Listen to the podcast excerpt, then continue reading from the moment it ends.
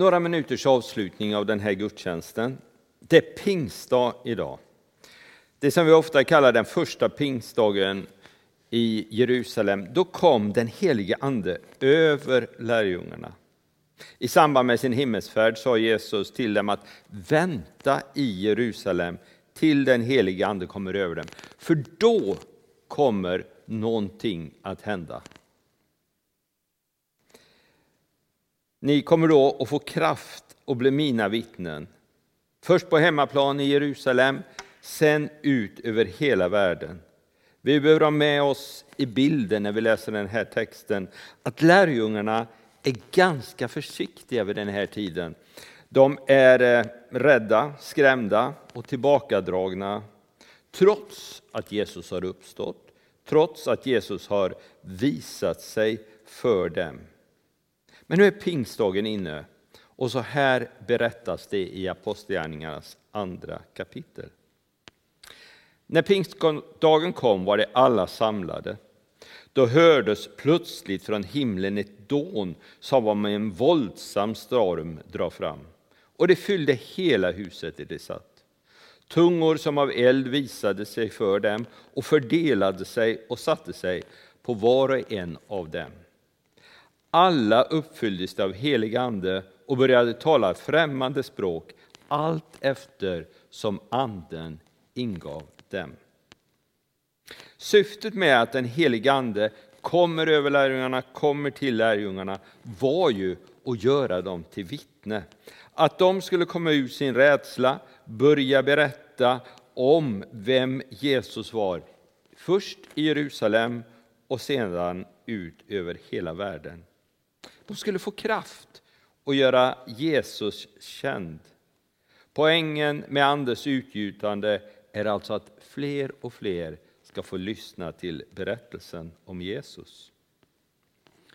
Hur gick det då för lärjungarna?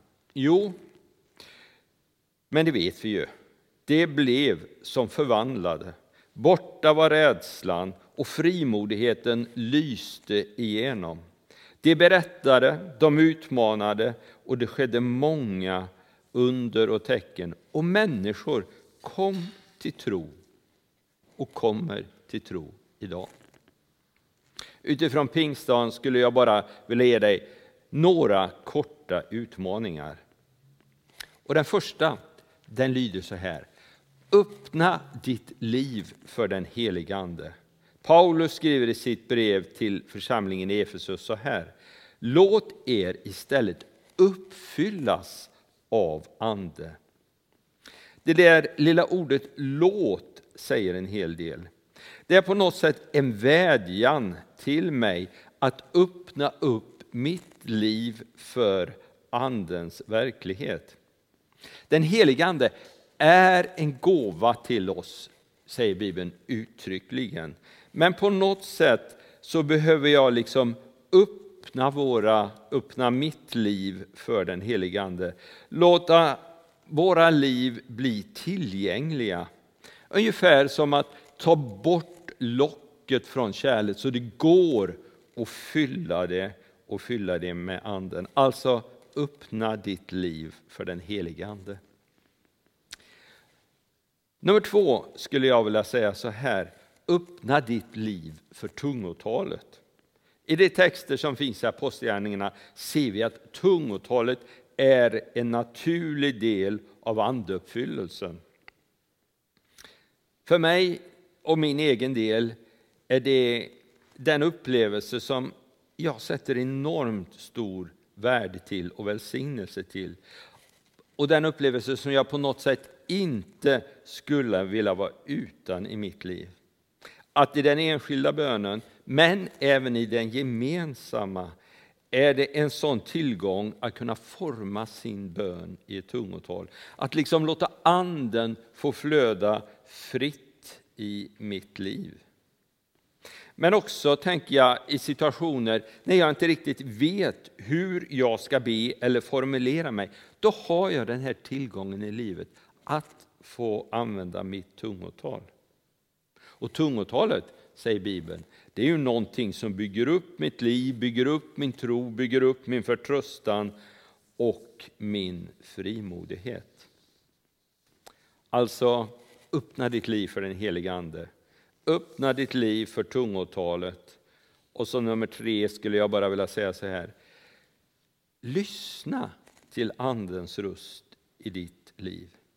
Utan exemplifiera från Bibeln, för det finns många exempel på det här i Bibeln, så vill jag bara lyfta fram den här tanken att den helige Ande kan och vill tala in i mitt och ditt liv.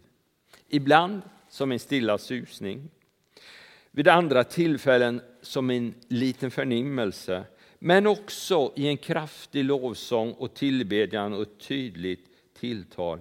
Lyssna till Andens röst i ditt liv. Och den fjärde och sista utmaningen den här pingstdagen får bli den här. Låt dig ledas av den helige Ande. Alla som leds av ande från Gud är Guds barn, skriver Paulus i Romarbrevet. Den här oerhörda tillgången i livet att Gud själv genom den heliga Ande vill och kan leda mitt och ditt liv varje dag. Det tänker jag pingsten handlar om. Vi ber en bön tillsammans. Tack Jesus att du gav ditt liv för vår skull, Herre. Tack att du lät dig spikas upp på ett kors för vår skull, Herre. Tack att när du ger ditt liv så öppnas vägen ända fram till Far i himmelen. Och när den vägen öppnas så öppnas också vägen för den heliga Ande in i våra liv. En ande som vill leda, som vill tala till oss, som vill ge oss all den kraft vi behöver för att kunna leva ett liv som förhärligar dig Jesus. Vi tackar dig för det Herre.